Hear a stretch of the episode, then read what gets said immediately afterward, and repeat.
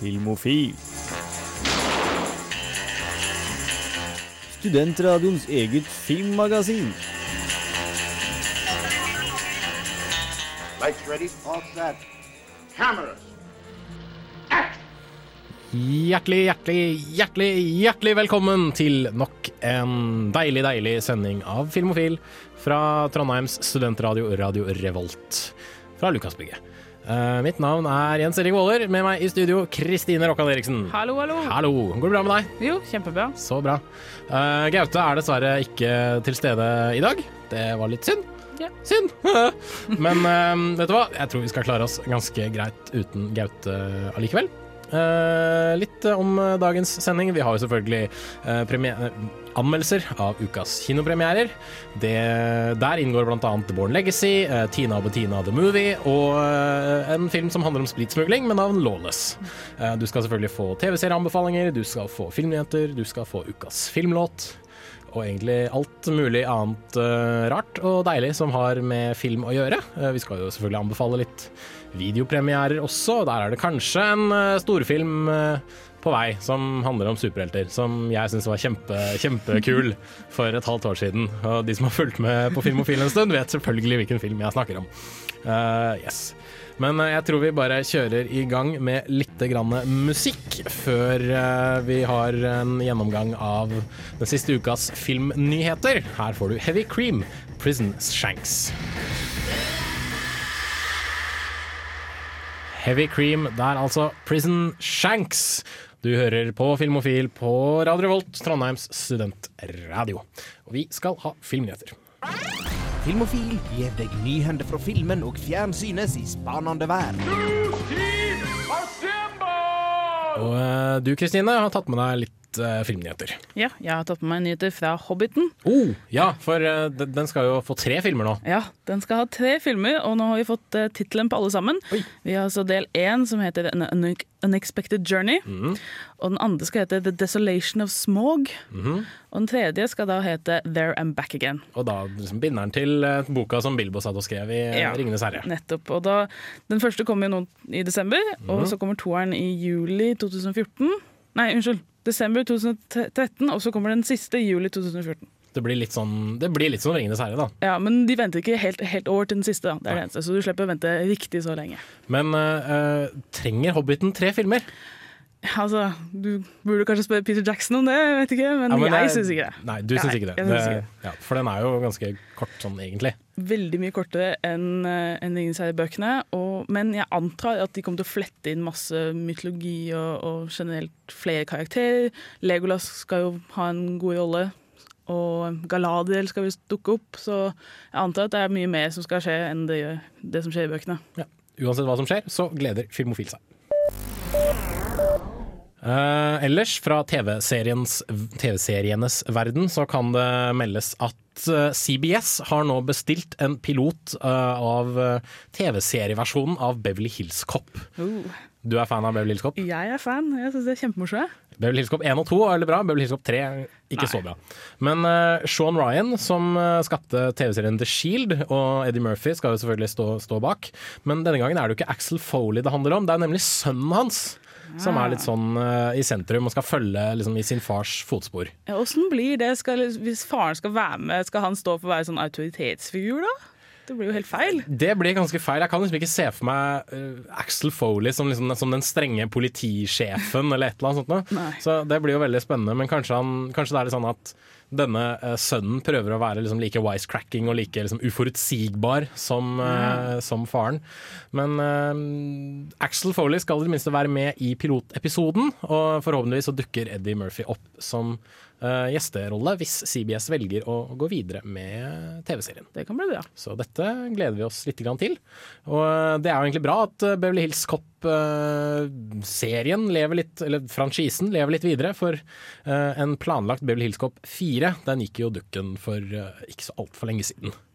Og det var jo dessverre leit. Men eh, Beverly Hills Cop er gøy, og vi har troa på TV-serien. Og aller sist eh, så har du noe litt Ja. grann mer nyheter. Ja, jeg har en kanskje ikke like spennende nyhet som Hobbiten eller, eh, eller Beverly Hills Cop, men vi har nyheter fra Scary Movie-franchisen. kanskje ikke riktig så gøy, men det kommer en femmer. Selvfølgelig. Ja. Og det, det er en ny regissør. Mm. Det er Mike, Malcolm Lee som skal regissere. Ikke sett noen av hans filmer før. Hva har han eh, stått bak? Han har stått bak Undercover Brother og Soul Men. Så ikke Oh, det lover ikke så veldig godt, Nei, for det er ikke ikke. spesielt gode filmer. Nei, og så skal eh, det ikke ikke Anna Farris være med, hun som jo har holdt serien i live. Ja. Hun stikker selvfølgelig av, så kunne hun ha noe annet å gjøre. Og, men isteden får vi selvfølgelig Charlie Sheen, Molly Shannon og kanskje Lindsay Lohan. Oh, Så OK, så hun lever fortsatt. utrolig nok. Nei. Ja, men eh, nei, vet du hva? En scary movie uten Anna Faris, Det blir rart. det men, blir veldig rart. eller kanskje det blir noe helt nytt og fantastisk. Nei. Jeg tviler, men eh, man kan jo i hvert fall eh, håpe. Det var i hvert fall vår første runde med filmnyheter, men vi fortsetter med litt flere filmnyheter etterpå. Det har jo annet vært et eh, litt kjipt dødsfall i Hollywoods verden, og så har jo også Norge noen Oscar-kandidater som, eh, som kanskje bør eh, nevnes. Men eh, vi kjører først i gang med litt mer musikk. Her får du David Byrne og St. Vincent med Who. David Byrne og St. Vincent er altså med Who på Filmofil på Radio Revolt. Vi snakker om litt mer filmnyheter. Filmofil gir deg nyhender fra filmen og fjernsynets i spanende verden. Og eh, aller først ut så kan vi nevne at eh, det har blitt offentliggjort hvilke tre norske filmer som kan bli sendt Eller hvilke tre norske filmer som er på sånn kortliste til å bli sendt inn til Oscar-akademiet. Uh, for å få potensialet til å vinne Oscar, eller for å poten- potensialet til å bli nominert som beste utenlandske film. Uh, de tre filmene er Kon-Tiki, Kompani Orheim og Som du ser meg. Eh, jeg må innrømme at jeg ikke har sett noen av dem. Jeg har bare sett Kon-Tiki, så Ja, eh, og jeg mener at Gauta ga Kompani Orheim en terningkast fem. ja. Så det er jo tydeligvis veldig gode filmer som er å, å, gi bort. Men jeg tror faktisk Kon-Tiki har best sjanse for å altså, ha en vinnersjanse. da, mm For den rett og slett tror jeg appellerer til amerikanere. Men det er jo en Hollywood-film, eller den er liksom bygget i stilen av en Hollywood-film. Ja. Appellerer det til Oscar-akademiet? Tja, det var et godt spørsmål. Eh, jeg tror på en måte det kan, det kan slå feil og det kan slå riktig hvis de på en måte ser det som Å, de på en måte andre land greier det like bra som oss, liksom. De Mhm. fortjener en Oscar for det. Eller så ser de at de prøver å etterligne oss. Da gjør vi ikke det. For- for det er det jeg er litt Det kan for. slå begge veier. Men samtidig, det handler om en historisk person. Eh, Det handler om en, eh, en sånn nostalgisk periode i eh, en eller annen persons liv. Så det er noe gamle mennesker kan like. Og det liker jo Oscar-akademiet. Og så handler det om folk som står liksom mot de som på en måte prøver å dytte han ned da, Ja. og liksom kjempe seg ut av veldig amerikansk. Ja, ikke sant? Så hvem vet? Vi krysser fingra. Du Kristine har litt uh, om en uh, Frankenstein-film. Ja, det skal komme en ny uh, Frankenstein-film skrevet Mm. av Max Landis, som skrev eh, Chronicle-filmen, som jeg likte ganske godt. Mm. Og det har kommet en ny regissør som skal nå Bringe filmen til, ja. til livs. Ja. Paul McGuigan, Oh. som har regissert annet uh, Lucky Number 11, og ikke minst Sherlock. Mm, han liker vi. Han liker vi veldig godt. Yes. Så det, og han, de sier at, at, eh, at scriptet går tilbake til sourcen, altså at det er boka det handler Mm. om. Det skal være en, eh, en faithful eh, adaptation, som man sier. Mm. Så med disse to, og ja, da tror jeg Det det, kan, kan, bli det kan være gull. Ja, Så spørsmålet hvem skal spille Altså Dr. Frankenstein, ikke monster, Oh. men Dr. Frankenstein. Jeg likte at du uh, gjorde det riktig der. Jeg har Vet lest boka. Ja, det har for jeg òg. Vet du hva, det aner jeg ikke, altså. Men jeg vil bare kaste det ut. Enten Benedict Cumberbatch eller Martin Freeman. Ja, det stemmer jeg for nå. La oss sånn, starte bare sånn for å kjøre på med liksom sånn Sherlock-vinkelen. Nei, men vi eh, gleder oss. Det blir kult. Og helt til slutt så har vi dessverre noen litt eh, leie nyheter. For eh, en av Hollywoods store karakterskuespillere, eh, den, altså Hollywoods gentle giant, Michael Clark Duncan, er dessverre død. Han ble 54 år gammel og døde nå nylig, to måneder etter at han fikk et hjerteinfarkt. Han var jo en veldig svær fyr, så det kan jo kanskje ha noe med det å gjøre. Men eh, det vet vi ikke. Alt vi vet er at han var jo en utrolig flink eh, skuespiller. Helt utrolig. Eh, god til å traktere både morsomme og dramatiske og skumle roller.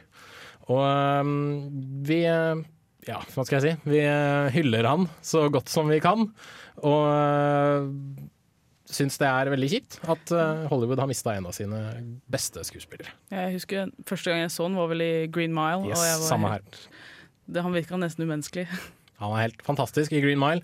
Så hvis du ikke har sett noen av filmene hans og ikke vet hvem denne fyren er, søk han opp på nettet og bare velg og vrak av stort sett veldig gode filmer. Litt feil valg av pling akkurat der, men kjør på. Det var det vi hadde av eh, filmnyheter for denne sendinga, men eh, vi fortsetter jo selvfølgelig med ukas kinopremierer når vi eh, fortsetter. Her får du Blood Diamonds med Phone 6 featuring Grimes. Du hører selvfølgelig fortsatt på Filmofil på Radio Revolt, FM 100 og 106,2.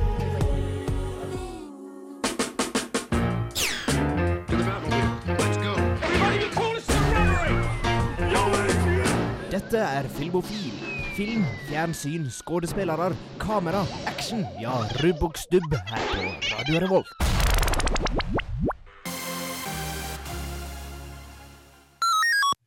Der fikk du Ekte Turboneger, var låttittelen. Og artisten var Phil T. Rich. Akkurat. Se, ordspill. See what he did there. Uh, vi går i gang med våre anmeldelser av ukas kinopremierer. Først ute er spritsmuglerfilmen Lawless. Den har Kristine tatt og anmeldt, så da får vi høre hva hun har å si om den.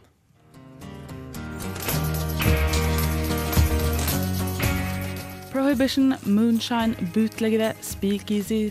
En tid der skurkenes biler måtte være raskere enn purkens, og gangstere gikk i dress og plafret ned folk med skikkelig Tommy Dette er vårt bilde av Amerika på 1920-tallet. I know who you are. Oh, yeah, who's that? One of them Bond Ramp boys. My daddy says you boys are the worst thing ever to hit Franklin. Lawless er basert på en sann historie om tre brødre, her spilt av Tom Hardy, Shia LaBeouf og Jason Clark. Bondurant-gutta er fra Franklin County, det våteste fylket i hele Amerika. Her kan alle tjene en slant på moonshine, og politifolka er blant kundene. Legenden sier at Bondurant-gutta er udødelige, men kan de stå imot når lokale byråkrater vil ha en del av profitten?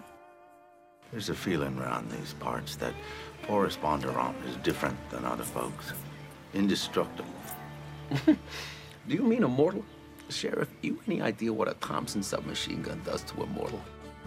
Lawless er litt som om The Untouchables ble snudd på hodet og satt på landet. Her er ingen heroisk Elliot Ness, men sympatien for skurkene er heller ikke enkel. Det er vold fra alle kanter, og den er rå og blodig. Tom Hardy spiller alfabroren Forrest Bondurant. Han er en herlig blanding av klassisk Clint Eastwood og mystisk Jesse James, men han blir noe helt unikt i sin totale mangel på sjarm. Tom Hardy kan si mer i et grynt og et blikk enn de fleste kan i lange taler. Det er derfor litt kjipt at han står ved siden av Shia LaBeouf.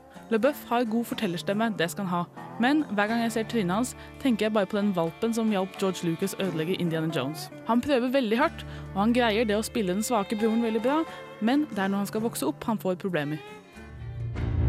Seems you've been involved in certain illegal activities. There's a new special deputy. You've been brought in from the city. På den såkalte rette siden av loven har vi Guy Pearce som forbundsagent Charlie Rakes. Han er en gjennomført creepy skurk, og det synes jeg er helt herlig. Gary Oldman representerer den stilige gangsteren Mad Dog Floyd Banner, inkludert Tommy Gunn, selvfølgelig. Den største feilen filmen gjør, er å gi altfor liten tid til denne mannen. De andre feilene er nok lengden og rytmen. For meg gjør ikke lengden noen ting, for sånne filmer skal være lange dramaer oppdelt av brutale scener. Når det gjelder rytmen, mister jeg litt stemningen når de hele tida blander inn scener med Shia og prestedatteren han er keen på. I tillegg kunne de gjort mye mer ut av det visuelle, for dette er et område av USA vi ikke så ofte ser i filmer satt til denne perioden. I know who you are. Oh, yeah, who's that? One of them Bond Ramp boys. My daddy says you boys are the worst thing ever to hit Franklin. Lawless er en forbudstidsfilm, men den står egentlig mellom western og gangsterfilmen. Den er helt klart ikke for alle. Her er det harde menn, gode skurker og korrupte lovmenn, men det er de som har rett, ikke nødvendigvis er de lovlydige. Jeg skulle gjerne likt å gi den filmen her en femmer, rett og slett fordi jeg blir så glad når sånne filmer blir laget, men den greier ikke helt å måle seg med de store klassikerne. Terningkast fire.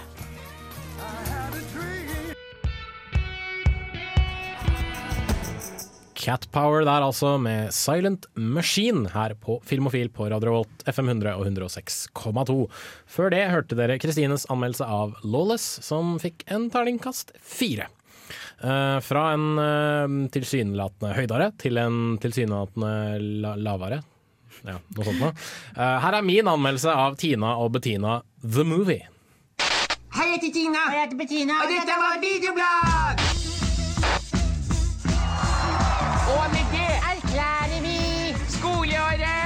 For Åsne!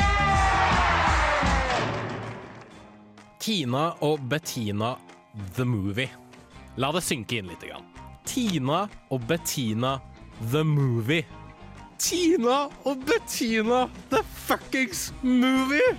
Ah!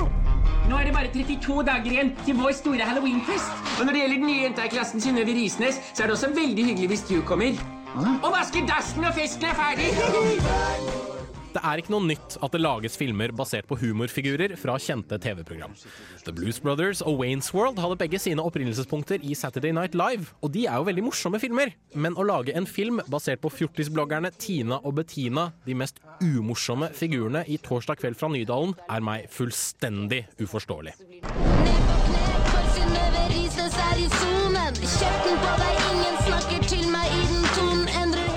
Tina og Bettina er de mest populære jentene på Smestad ungdomsskole på Oslo vest. Men deres popularitet blir truet av den nye jenta på skolen, Synnøve, for øvrig spilt av Triana Iglesias.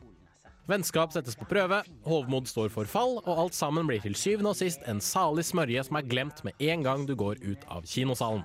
Filmen er tilsynelatende en komedie, fordi du vet de er jo fra Oslo vest, og så er de skikkelig snobber som, som spiser sushi i kantina og drikker Voss-vann. Og så er de skikkelig dumme i tillegg, og så bruker de masse penger på klær og sminke og sånn. Og så driver de med blogg og De er skikkelig fjortiser fordi, fordi de går i onepiece, og så blir de fulle på Bacardi Breezer.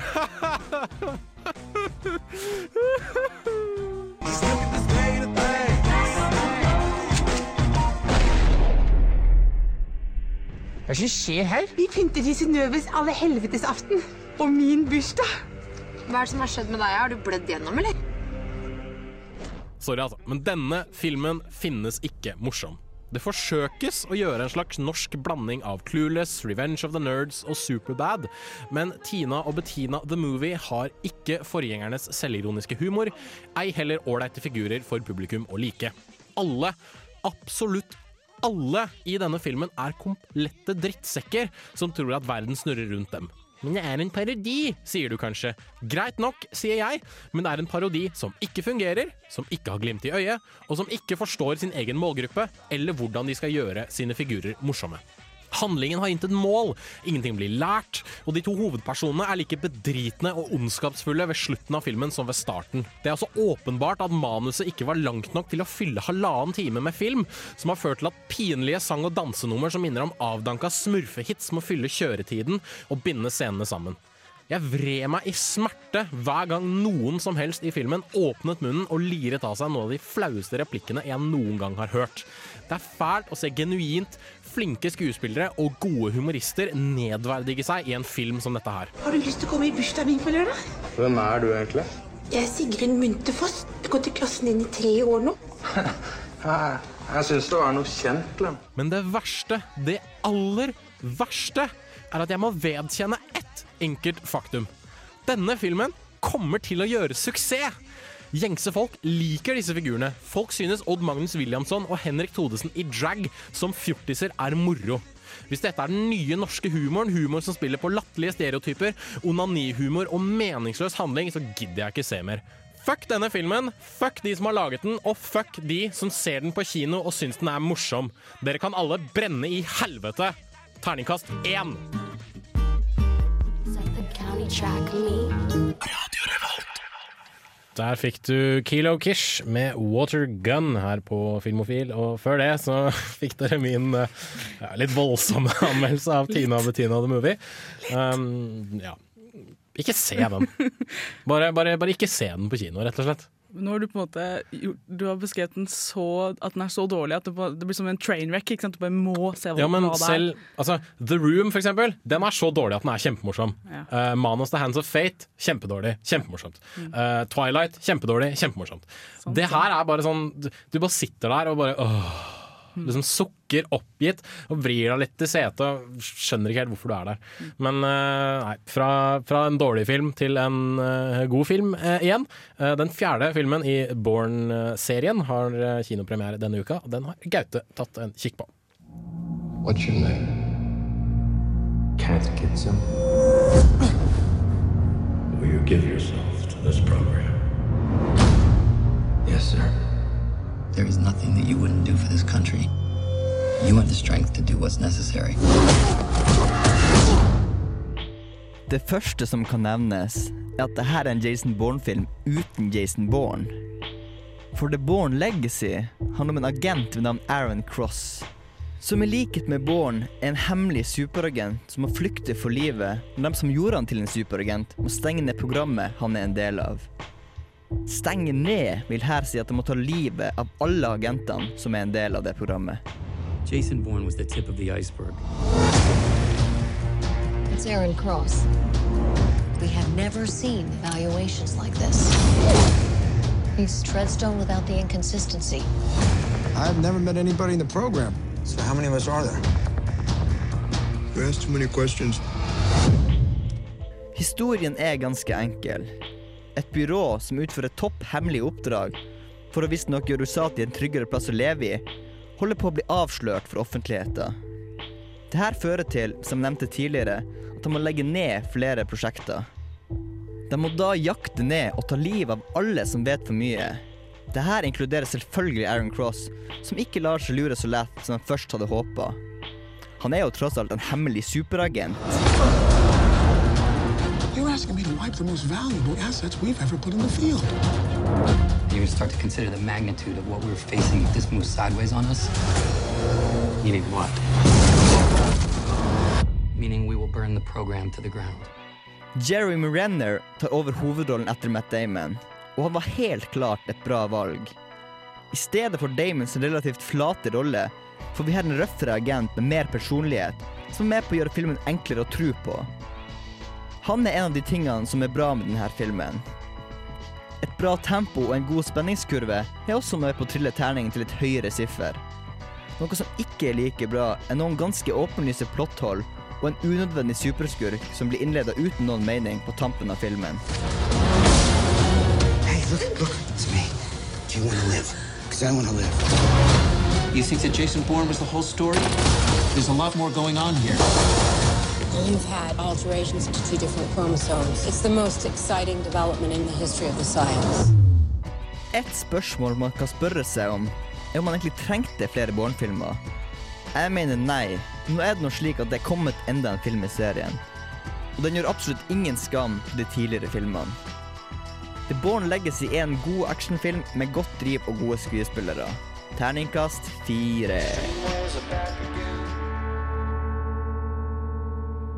Motherfucker. Du lytter til Filmofil på Radio Revolt.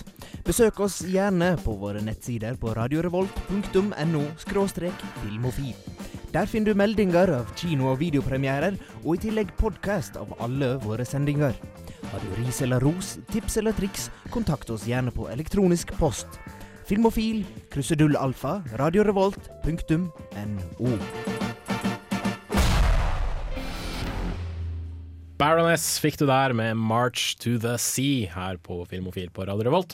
Uh, før det hørte du eh, Gaute sin anmeldelse av The Born Legacy, som eh, tydeligvis viste at Born-filmene de kan funke uten Matt Damon. For den fikk en terningkast fire. Uh, jeg skal i hvert fall løpe og se. Absolutt, det skal jeg òg. Hmm. Men uh, fra kinopremierer til Trondheim Filmklubb, som kontaktet oss for en liten stund siden og lurte på om de kunne komme inn og prate litt. Grann, og det skulle de jo selvfølgelig få lov til. Så eh, jeg tok eh, en liten prat med Vanja Ødegaard fra Trondheim Filmklubb og hørte litt hva de har på plakaten for høstsemesteret. Nei, vi har veldig mye forskjellig eh, den høsten her, føler jeg. Den mest nærstående nå, da, er Vi har en dobbeltvisning på søndag med sci-fi. Da har vi Total Recall. Oi, Originalen. Selvfølgelig. Vi syns det var på sin plass. Ja, det Eh, er ja. Paul Verhoeven, det er, det er det som skal Ja, ja, brukes. ja, absolutt. Det var jo litt i den, det henseende at uh, remaken kom nå på kino. Og Event Horizon.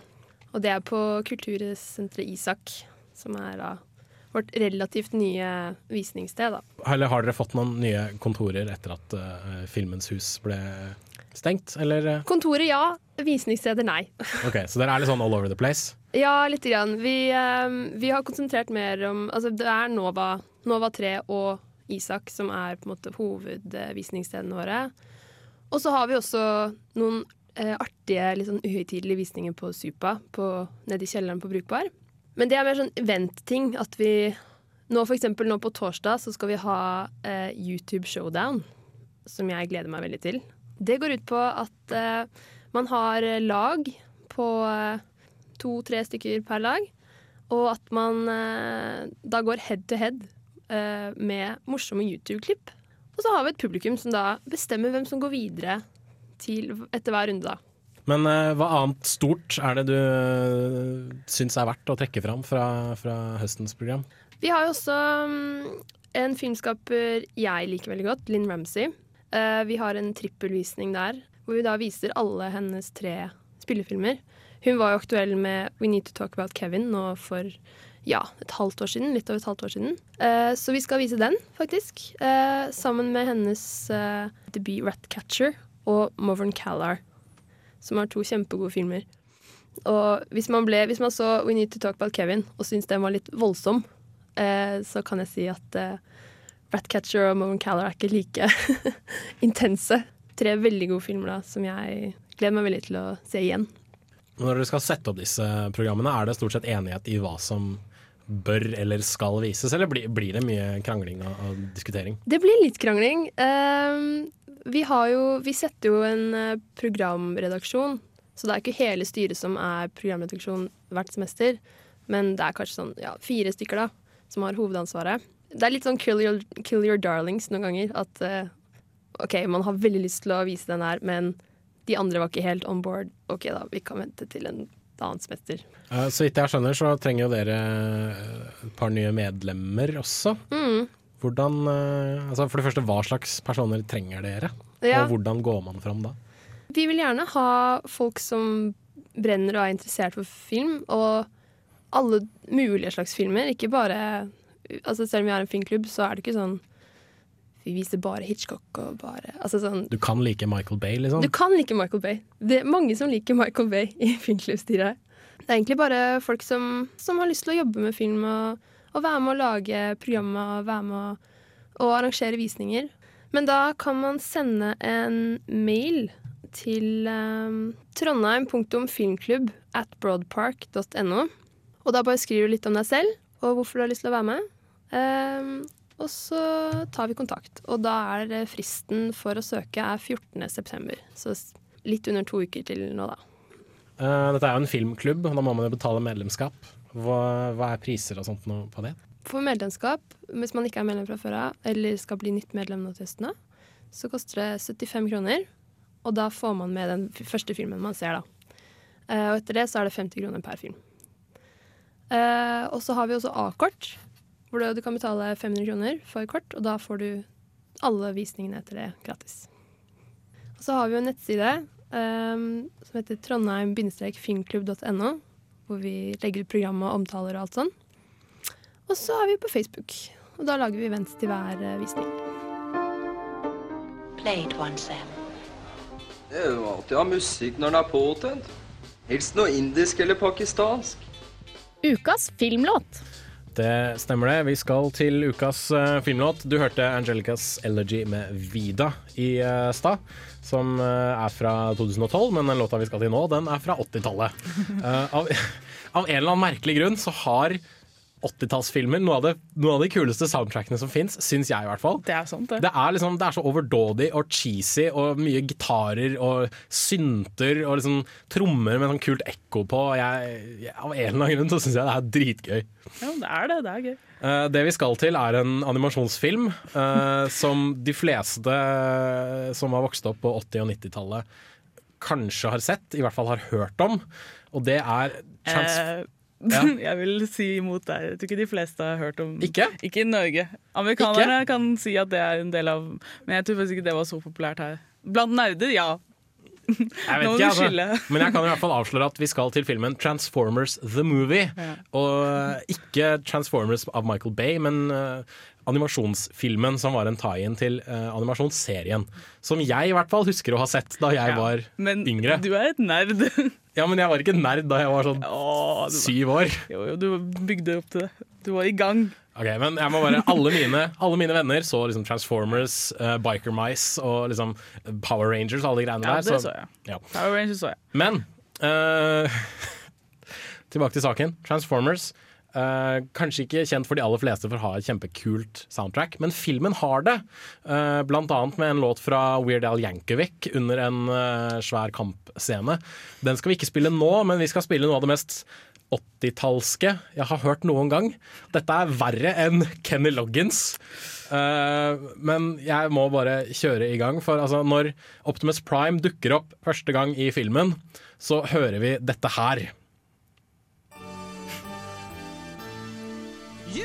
Det er en fyr som heter Stan Bush, som har laget en låt som heter The Touch, som dukker opp i Transformers The Movie.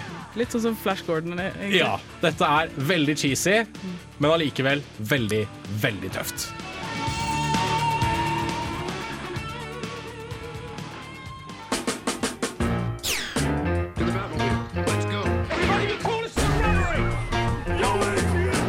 Dette er Filmofil. Film, fjernsyn, skuespillere, kamera, action. Ja, rubb og stubb her på Radio Revolt. Det stemmer, du hører på Filmofil, og du fikk eh, ukas filmlåt, som var Stan Bush med The Touch. Jeg ble imponert, jeg. Altså. Jeg må se den filmen. Over nå. låta? Ja, nå må jeg se filmen. Det er helt Ja, men filmen er øh, overraskende kul, altså. Altså Transformers-serien var jo en, det var en leketøysreklame, men allikevel så klarer de å pumpe ut en film som, som faktisk har litt, litt følelse, litt brodd og litt sånn veldig kule kampscener ved seg. Så Michael Bay skulle egentlig bare ha remaka den med moderne teknologi. Ja! Det hadde vært dritkult! Nei, virkelig, altså. Hadde han bare gjort Hadde de bare sagt 'her, se denne', og gjør sånn, bare med ekte ting, kjør på. Ja, Han skulle gjort det med Teenage Mutant Ninja Turtles òg, for den filmen. Ja, men jeg- den ble jo bare skrinlagt. Men han skulle ha tatt den originale filmen. Og Det er sant. det det hadde er vært sant. kult. Men uh, fra ting som skjer i 80-tallet, til flere ting som skjer denne uka. Her får du Videonytt. Nytt i videohylla. Rykende ferske digitalfilmer som du kan ha i din heim. Og eh, er du glad i TV-serier, så eh, kan Boardwalk Empire og Body of Proof kanskje friste på eh, Blu-ray og DVD denne uka. Boardwalk Empire sesong to og Body of Proof sesong én. Eh, hva synes, har du sett Boardwalk, Boardwalk Empire, Jeg har sett de to første sesongene av Boardwalk Empire, og Mm. de er veldig, veldig bra. Bare fordi han eh, Steve Buscemi. Ja, han er ah, Det er så deilig å se han i en sånn rolle. En av Hollywoods styggeste menn, men også en av Hollywoods beste skuespillere. Absolutt. Yes. Uh, Mr. Beans Brilliant Box Set. Hvis Hmm. du er Mr. Bean-fan. Er du Mr. Bean-fan, Kristine? Jeg var det da jeg var liten, så jeg vet ikke om jeg er det ennå. Jeg har ikke sjekka på en stund. Uh, alle Oi, faktisk. Det var bare 14 episoder av den originale Mr. Bean-serien. Det er ikke mye, men, uh, Men filmen er ganske bra òg. Ja, absolutt. Uh, men nå har det kommet da fire uh, stappa DVD-er med Mr. Bean-stoff for dere som er interessert i det. Uh, er du barn, eller har barn, så kan kanskje Laban det lille spøkelset friste. Det frister ikke akkurat meg. Uh, Mallrats på Blu-ray derimot, det frister meg, for jeg er veldig stor fan av uh, Kevin Smith og hans filmer. Uh, Sons of Anarchy sesong 1 til 4 er ute som en pakke. Det er å anbefale, så vidt jeg vet. Men den store store filmen som jeg vet at veldig mange, i hvert fall Kristine, sitter og liksom roper inn i hodet sitt om at jeg skal komme til, det er jo selvfølgelig Avengers! Yes! Avengers er ute på Blu-ray og DVD denne uka. Du kan kjøpe en i vanlig DVD-utgave, vanlig Blu-ray. Du kan kjøpe en Steelbook-boks. Steelbox heter det kanskje. Steelbook eh, Blu-ray-utgave. Og du kan kjøpe en 2D 3D-utgave. Nei, vi tar den stilboksen, vi. ja, selvfølgelig. Men uh, hvis, hvis du har en sånn 3D-TV og vil oppleve, oppleve en film som er sånn postkonvertert til 3D, kjør på. Uh, ellers verdt å nevne er eh, miniserien Treasure Island med Eddie Izzard som uh, kaptein uh, What's His Face. Eh, hjelp meg nå, hva heter han igjen? Nå har jeg. Du har smitta jernteppet nå for meg. Fader. Nei, vet du hva? Det står helt stille for meg. Long John Silver. Ja, selvfølgelig. Da. Yes. Uh, Elijah Wood er med i den, Donald Sutherland er med i den, uh, Eddie Zard, som nevnt, Uh, og ja, mange andre gode britiske skuespillere. Så hvis du litt, har litt lyst på litt god piratunderholdning og syns at de siste Pirates of Caribbean-filmene var skikkelig dritt, som de var, så kan du jo alltid se på miniserien Treasure Island som er ute på Blu-ray og DVD denne uka. Og hvis du ikke likte Thor-filmen, kan du se Thor med hammeren. Ja, denne Det er vel en dan... Nei, den er ikke dansk, den er islandsk. Ja. Islandsk animasjonsfilm. Som eh, jeg ikke fikk sett, dessverre. Men vet du hva, jeg har lyst til å plukke den opp, for den ser veldig, eh, veldig morsom ut. Mm. Mm. Litt sånn norrøn mytologi for kids. Ja. Eventuelt for dummies, hvis du er en sånn en. Men eh, vi lagde jo, eller jeg anmeldte jo Avengers da den hadde kinopremiere, og jeg var jo veldig, veldig begeistret. Jeg vet jo at du var veldig begeistret sånn i ettertid, Kristine. Ja, når jeg til syvende og sist fikk komme meg på kino to ganger til. Hvor mange ganger skal du se Avengers nå som den er på og DVD? Uh, jeg tror jeg skal bare låse meg inn en hel helg og bare kontinuerlig ja, altså, Det jeg gleder meg mest til, er ekstrascenene og gag-reelen og alt kommentarene. Og jeg, jeg skal ha hele pakka. Ja. Joss Whedons kommentar er faktisk ikke i uh, videoen. Videoversjonen. What? Sies det. Fordi han uh, Noe med at uh, Paramount er det vel som eier filmen. Så noe med at han leverte det inn for sent, rett og slett. Før den gikk i trykken. Så, men vi kan jo krysse fingra for at jeg tar feil. Det kan Ja. hende at jeg gjør det. Men uh, hvis ikke, så blir det kanskje sluppet et kommentarspor senere. For man vil jo gjerne vite hva regissøren har gjort i filmen. Men eh, det var egentlig det vi hadde av uh, Videonytt. Eh, etterpå skal dere få min anmeldelse av Avengers da, fra da den hadde kinopremiere. Men eh, før den tid så kjører vi i gang med Animal Collective, Today's Supernatural, her på Filmofil på Radio Revolt, FM 100 106,2.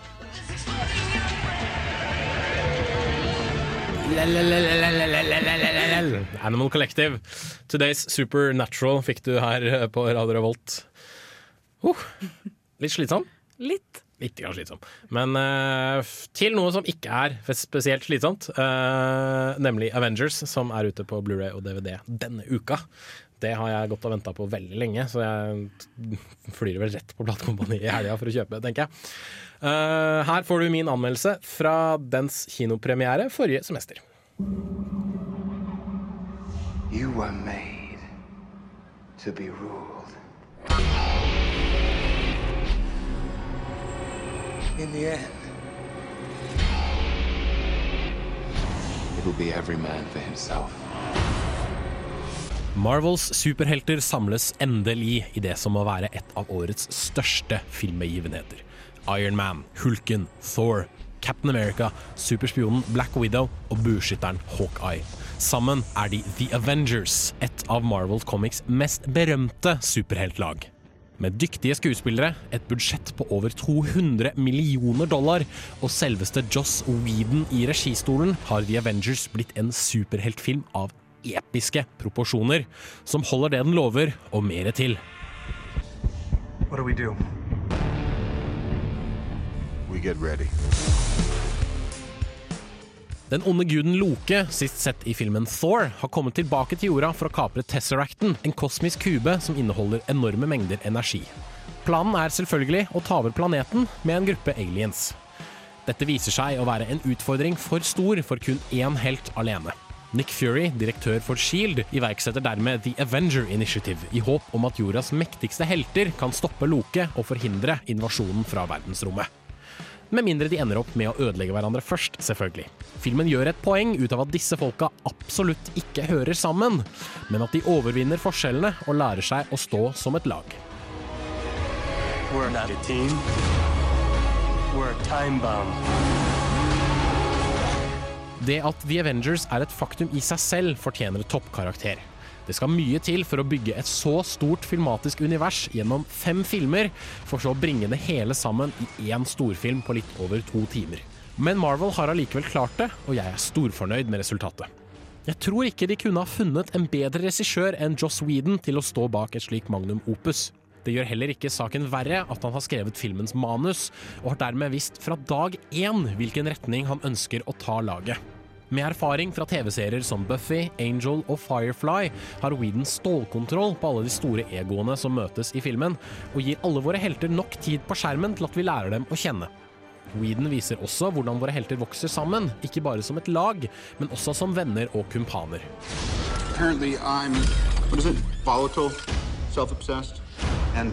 Well. Skuespillerne i filmen kjenner rollene sine såpass godt at det knapt trengs regiarbeid. Robert Downey jr. får det beste av Whedons karakteristiske snappy og tørrvittige dialog, mens Chris Evans fortsatt er troverdig som den litt naive, men allikevel mektige Captain America. Chris Hemsworth er teatralsk som alltid i rollen som Thor, og vi får endelig en troverdig og mentalt torturert Bruce Banner takket være Mark Ruffalo. Sammen utgjør de en utrolig sjarmerende gjeng helter.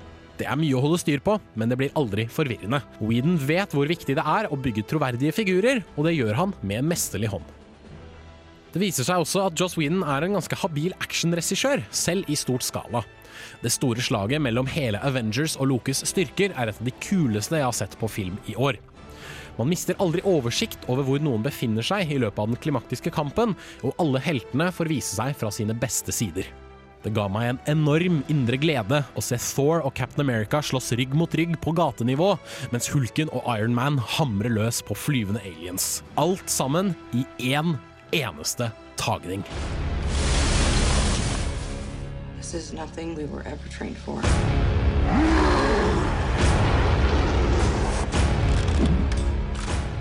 The Avengers er en heseblesende popkorn-superheltfilm i episk omfang.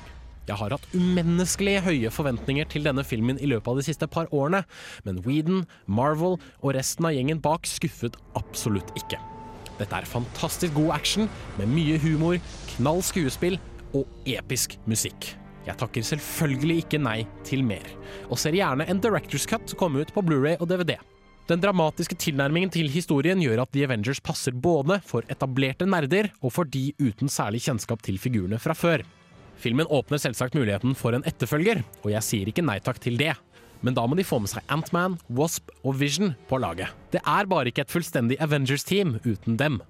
Full pott til Marvels superhelter. Terningkast seks. Dr. Banner, your work is unparalleled, and I'm a huge fan of the way you lose control and turn into an enormous green rage monster. Thanks.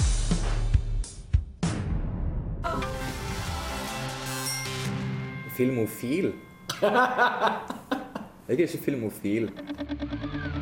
Du hørte Blood Command her på Filmofil på Radio Revolt fra albumet Funeral Beach, som kommer den 5. oktober. Uh, og før det så fikk du eh, Dan Deacon med Lots, og før det igjen så var min anmeldelse av Avengers fra i sommer, eller fra mai-ish. Ja. Eh, men eh, nå tenkte jeg vi kunne snakke litt om eh, filmer som kommer, filmer som vi gleder oss til i høst. For filmhøsten er jo fullstappa med masse forskjellig film som kanskje kan være verdt å se, kanskje ikke. og nå driver vi og begge og sitter og, scroller litt opp og ned på Filmweb og prøver å finne, finne ting vi gleder oss til. Og um, noe av det første som noe du kom på med en gang, var jo James Bond. Ja, Skyfall. Skyfall. Så, som en uber-James Bond-fan så gleder jeg meg sykt til det, for, fordi rett og slett Quantum of Solace var så let down. Så, Ja, det var en skuffelse. Ja, jeg tror forventningene bygges opp nå, fordi nå har vi hørt så mye bra, og ja. Jeg er veldig glad i Daniel Craig som James Bond. Så Han er en flink Daniel Craig, og det er igjen eh, godeste Sam Mendes som har eh, regien. Javier Bardem skal spille skurken. Ja, ikke sant? Da, da må det bli bra. Mm. Og eh, er det snakk om at de skal drepe M i filmen. det, det handler jo om at hun blir kidnappa eller et eller annet. I Ja. hvert fall, Hun blir trua på en eller annen måte. Så jeg veit ikke åssen det ender, da. Så vi får, Mm. ja, det er kanskje på tide. Judy Dench burde ja, det er på årene, selv hun. Gjør han det? Ja, hun ser helt utrolig ut. Hun ser jo bra ut, da, til tross. Eh, jeg personlig har en eh, Jeg er litt sånn action-dude. Altså jeg tror Dread kommer til å bli ganske festlig.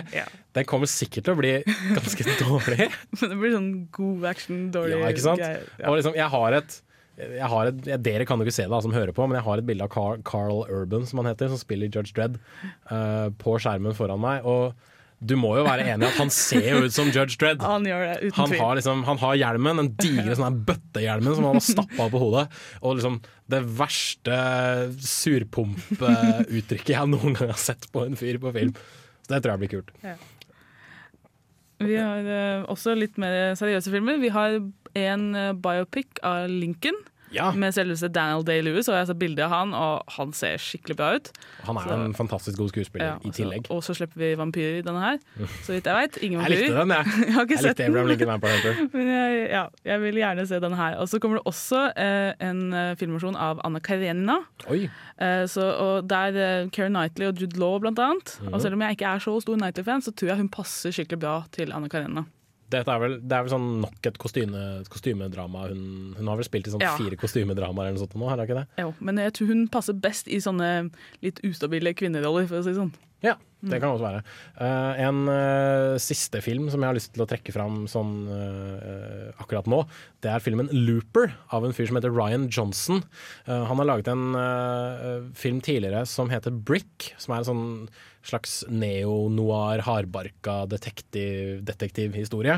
Eh, nå kjører han i gang med sci-fi, der en handlingen er i en framtid der tidsreiser er noe som fins, og skurker i framtiden blir sendt til fortiden for å bli skutt av en såkalt looper. Eh, Joseph Gordon-Levitt spiller en looper som en dag uh, ser sitt voksne jeg bli transportert tilbake i tid, som han skal skyte. Oi, Men så stikker jo hans voksne av Hans voksne jeg stikker jo av!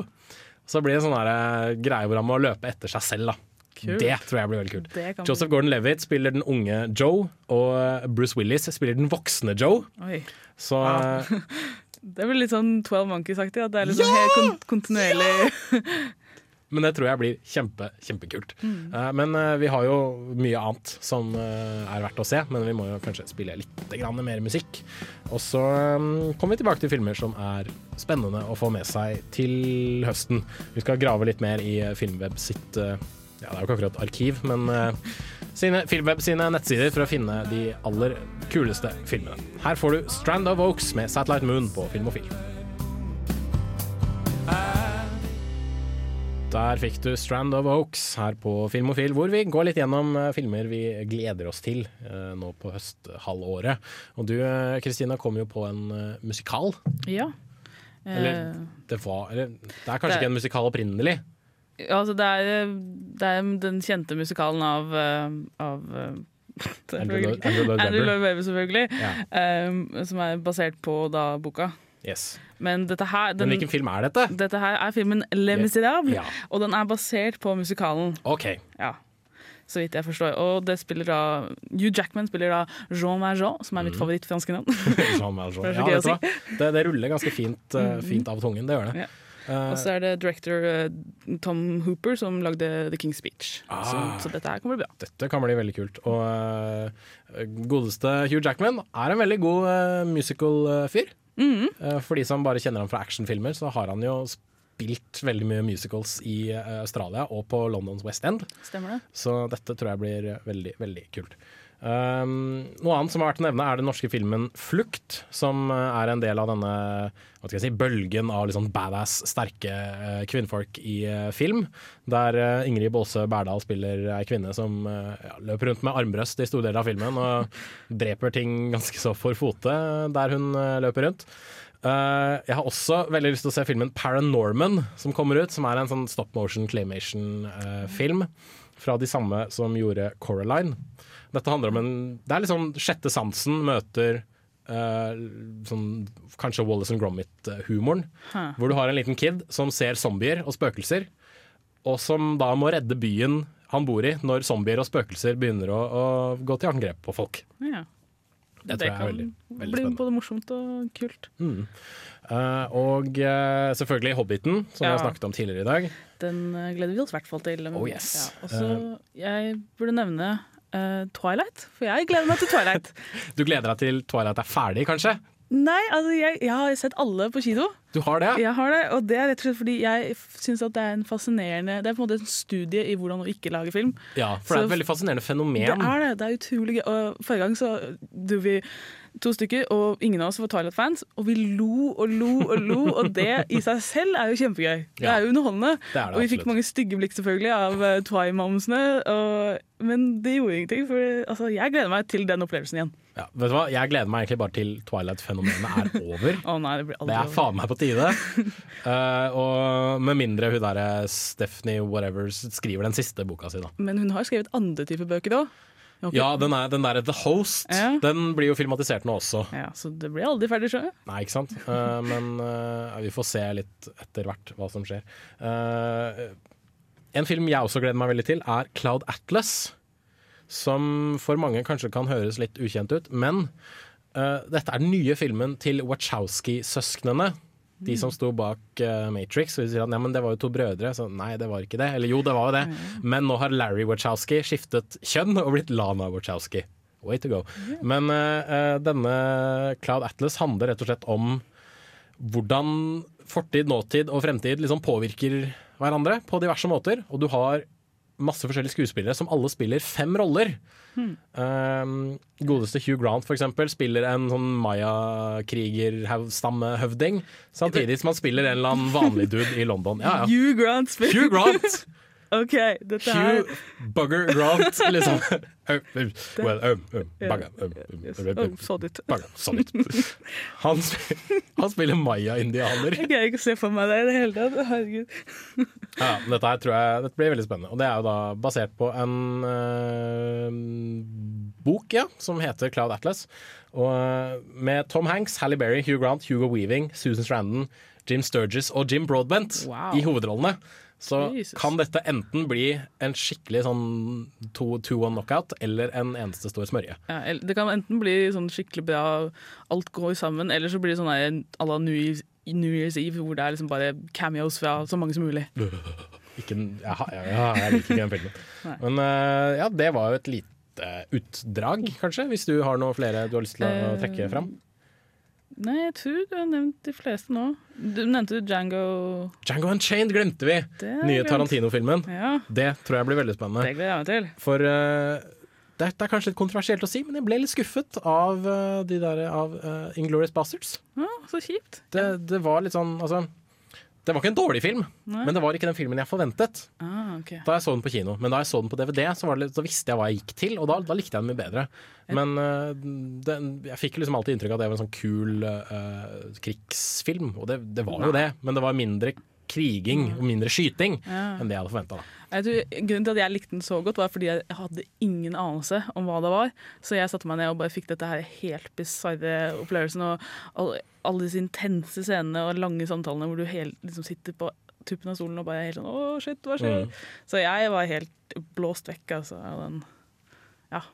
Jeg gleder meg skikkelig til enda mer fra Tarantino. Ja, det gjør jeg. Django Unchained. Jeg syns det er kult at han fortsetter å lage film, eh, og fortsetter å lage den, de filmene som han syns er kule, Ja. med de folka han syns er kule. Absolutt. Så Jango Django Unchained, det gleder vi oss til.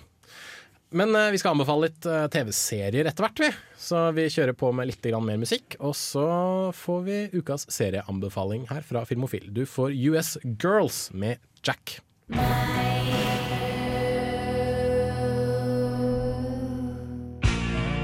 Hei!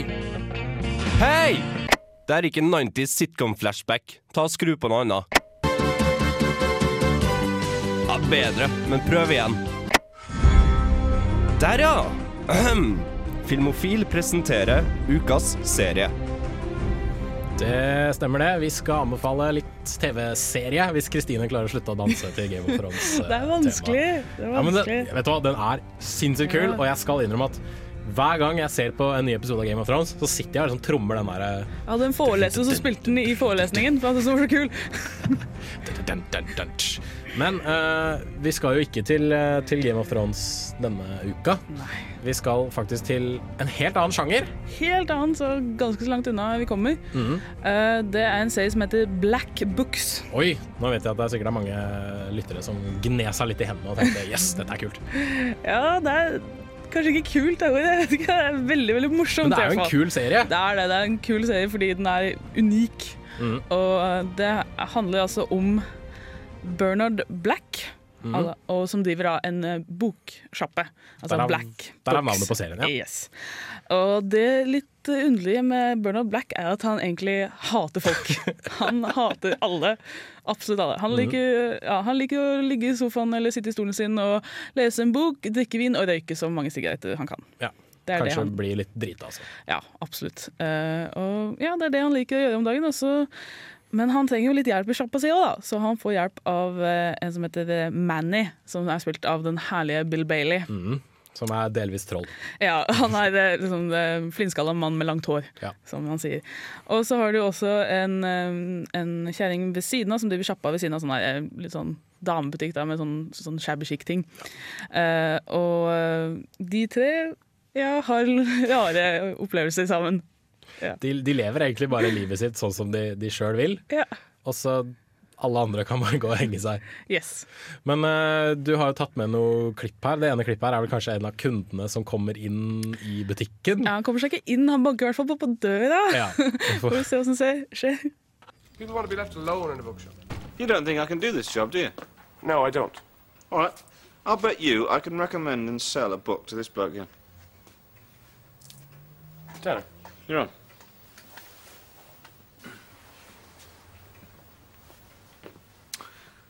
Hello. Will you leave me alone? I'm sick and tired of being hounded by salesmen in shops. I'm browsing, all right? Browsing. At the end of it, I might buy something. I might not. But you will not influence me one iota. Not one jot. Now I've finished with you. You may go. Ja, dette var en litt, litt misfornøyd kunde. Ja, mildt sagt. Stakkar. Stakkars Manny. Han får det ikke til. Nei. Men uh, det gir jo kanskje et litt godt bilde på en type humor som dukker Ja. opp uh, i denne serien. Veldig spredt og morsomt og uventet hele tida. Ja, det handler jo kanskje like mye om uh, de som kommer inn i butikken, som det gjør om de som faktisk jobber der. Ja, og mye om sånn type problemer de får at ja, Det er for en episode hvor de skal house-sitte for en kamerat, og så drikker de opp en sånn kjempedyr vinflaske, og så må de prøve å fikse det. ikke sant? Sånn. Selvfølgelig. Og eh, en del mange kule cameos fra en del kjente britiske komikere også. Det er jo en episode der eh, Simon Pegg eh, dukker opp, vet Stemmer det. Han spiller en herlig sånn der, Han spiller den forrige sjefen til Manny i en sånn, der, sånn stor bokbutikk. da Sånn à la WH Smith-aktig. Og han er en skikkelig sånn ja. Litt sånn slimete Veldig. jævel. Mm. Mm. Men uh, vi har jo enda et uh, klipp. Det er kanskje dette hvor uh, han Det ene kunden prøver å komme seg inn i, i sjappa til, til Bernard. Just look at this bastard. That's right. That's right. We're having lunch. Come on in. Look at him. Look. What do they want from me? Why can't they just leave me alone? I mean, what do they want from me? Well, they want to buy books. Yeah, but why me? Why do they come to me? Because you sell books. Yeah, I know, but Jesus. What? Uh, I'd like to buy a book. Here's one. No, I was. This one's very, very good. Oh, oh is it? Yes. You'll laugh, you'll cry, it'll change your life. Five ninety nine. All right. Okay. Oh, my, my change? Uh, can you come back later? Well, no, I'm not coming back this way. Where do you live? 17 Galaxy Gardens. Okay. Now go there and await my instructions. Den siste der, altså. Ah, jeg dør. Go there and await my instructions. Kan du se for deg han sitter der og bare Hva skjer nå? Nei, uff. Uh, ja. Så det er altså Black Books. Veldig bra serie. Eh, korte episoder. Det er vel tre sesonger, og det er jo britiske sesonger, så de er veldig korte. Ja, Det er vel seks episoder per sesong, hvis jeg ikke tar helt feil. Jeg tror det, ja. Mm. Uh, ja. Så dette kan du jo brenne gjennom i løpet av Skal vi se Seks episoder, halvtime. Det vil si tre timer per sesong. Dette brenner du gjennom på en formiddag. Hallo. Ja, ja, ja. Bare begynn klokka seks om morgenen, så er du så er du Ta en ferdig. søndag. Ja, ta deg en søndag og se masse episoder av Black Box, for det får du jo kjøpt på. DVD. hvis jeg ikke tar helt feil. Jo, og det beste er jo at eh, han eh, Dylan Moran som spiller Bernard, han spiller jo egentlig bare seg selv, for han Ja. er jo sånn, litt sånn småfull hele tida. Småfull av menneskehater. ja. Ja, men eh, det er bra. Black Books er altså Filmofils eh, serieanbefaling. Og eh, hvis du er glad i britisk komedie, så bare kjør på, for dette er vel kanskje noe av det beste. Absolutt. Yes. Men uh, vi spiller litt grann mer musikk før Filmofil går helt, helt mot uh, slutten. Uh, du skal få Jesse Ware med Sweet Talk her på Radio Revolt på FM 100 og 106,2.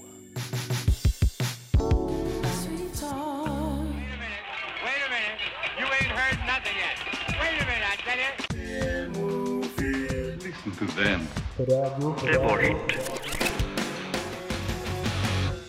The Hex fikk du der med Machete her på eh, Filmofil. Sikkert ikke hentet fra filmen Machete, men eh, det hadde vært litt kult hvis den var det. Ja. What? Det hadde jo det. Det er sant, det. Ja, jeg er ikke uenig. Men uh, vi i Filmofil begynner dessverre å gå litt tom for tid. Det er jo dumt, men uh, to timer flyr fort. Det gjør noen det. Når man har det gøy. Ja, ikke sant? Eh, men vi kan jo ta en aldri så liten oppsummering av eh, dagens sending. For uh, ukas premierefilmer har vært Lawless, uh, en film om spritsmugling og eh, de som bekjemper spritsmugling. Den fikk en terningkast. Firer. Yes. Tom Hardy er veldig bra i filmen, hvis jeg ikke tar helt feil. Absolutt. Verdt å se bare for han. Ja, men det meste er verdt å se kun for Tom Hardy. ja. Eh, og så er jo han godeste Å gud, nå sto det stille for meg igjen. Men uh, han som spilte Commissioner Gordon uh, Gary Oldman. Gary Oldman, takk. Gary Han er jo med. Han er med, og Guy Pearce er med, og Sheila Buff er med. Ja, så liksom Fjerner du han siste, så Ja. har du liksom tre grunner Tre veldig gode grunner til å se filmen. Uh, Tina og Bettina The Movie fikk en hardtslått, eh, knust terningkast én. Hadde jeg hatt mulighet til å gi den terningkast null, så hadde jeg gjort det. For det var en skikkelig drittfilm. Og hvis du syns de er morsomme, så kan du egentlig brenne og dø. Ja, får håpe Og helt til slutt, The Born Legacy den fikk en terningkast fire av eh, Gaute. Så den er absolutt verdt å se, vil jeg tørre å påstå. Eh, ellers så kan vi også nevne at uh, noen av ukas, eller ukas store kino, nei, videopremiere, eller videoutgivelse, er jo selvfølgelig Avengers. Den ga jeg en terningkast seks da den hadde kinopremiere. Det står jeg fortsatt for. Uh, jeg er nok litt fanboy, men fuck it, det får så være. Den innfridde alle forventninger jeg kunne ha.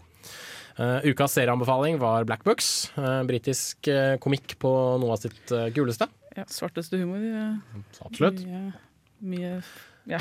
Er du glad i sånn, jeg vil ikke kalle det fyllehumor, men liksom humor på bekostning av de som drikker veldig mye? Ja, nei, det er vel ikke det. Det er heller er bare liksom latterliggjøring av, av Eller det er hans kynisme som er så morsomt. da At han er så kynisk, men samtidig driver denne butikken. Ikke sant? Hvor du må liksom ha ja, kommunikasjon med folk. Jeg vet det at, eh, som, jeg som selv jobber i butikk, vet at hvis, hvis jeg bare kunne jobb, gjort sånn som Bernard gjør noen ganger, åh, det hadde vært så deilig og befriende. Eh, og ukas eh, filmlåt var selvfølgelig Stan Bush med The Touch fra Transformers The Movie. Som fra jeg nå skal se. Fra 1980-tallet. Det er absolutt verdt å se. Uh, det var dessverre alt vi eh, rakk, men eh, du finner jo selvfølgelig alle våre eh, anmeldelser på radiovolt.no slash filmofil. Lik oss på Facebook, facebook.com slash filmofil. Hele sendinga, hvis du vil høre den på nytt, finner du enten som podkast, radiovolt.no slash podkast, eller på vår Stream on Demand-tjeneste. Den finner du på våre nettsider, radiovolt.no. Mitt navn er Jens Erik Våler. Med meg i studio har vært Kristine Rokkan Eriksen. Ha det bra. Og tekniker bak spakene har vært ingen ringere enn Rune Hagberg Stana. Tusen hjertelig takk til han for at han gjør eh, det han kan aller best, og det er å skru og dytte på knotter. Eh, Som avsluttende låt så får du Tremor Tarantura. Eh, Det er faktisk fire r-er eh, i de to ordene, med Avaliches. Du har hørt på Filmofil på Radio Revolt. Etter oss kommer eh, Live med sin eh, deilige, deilige live-musikk. Vi hørs om en uke.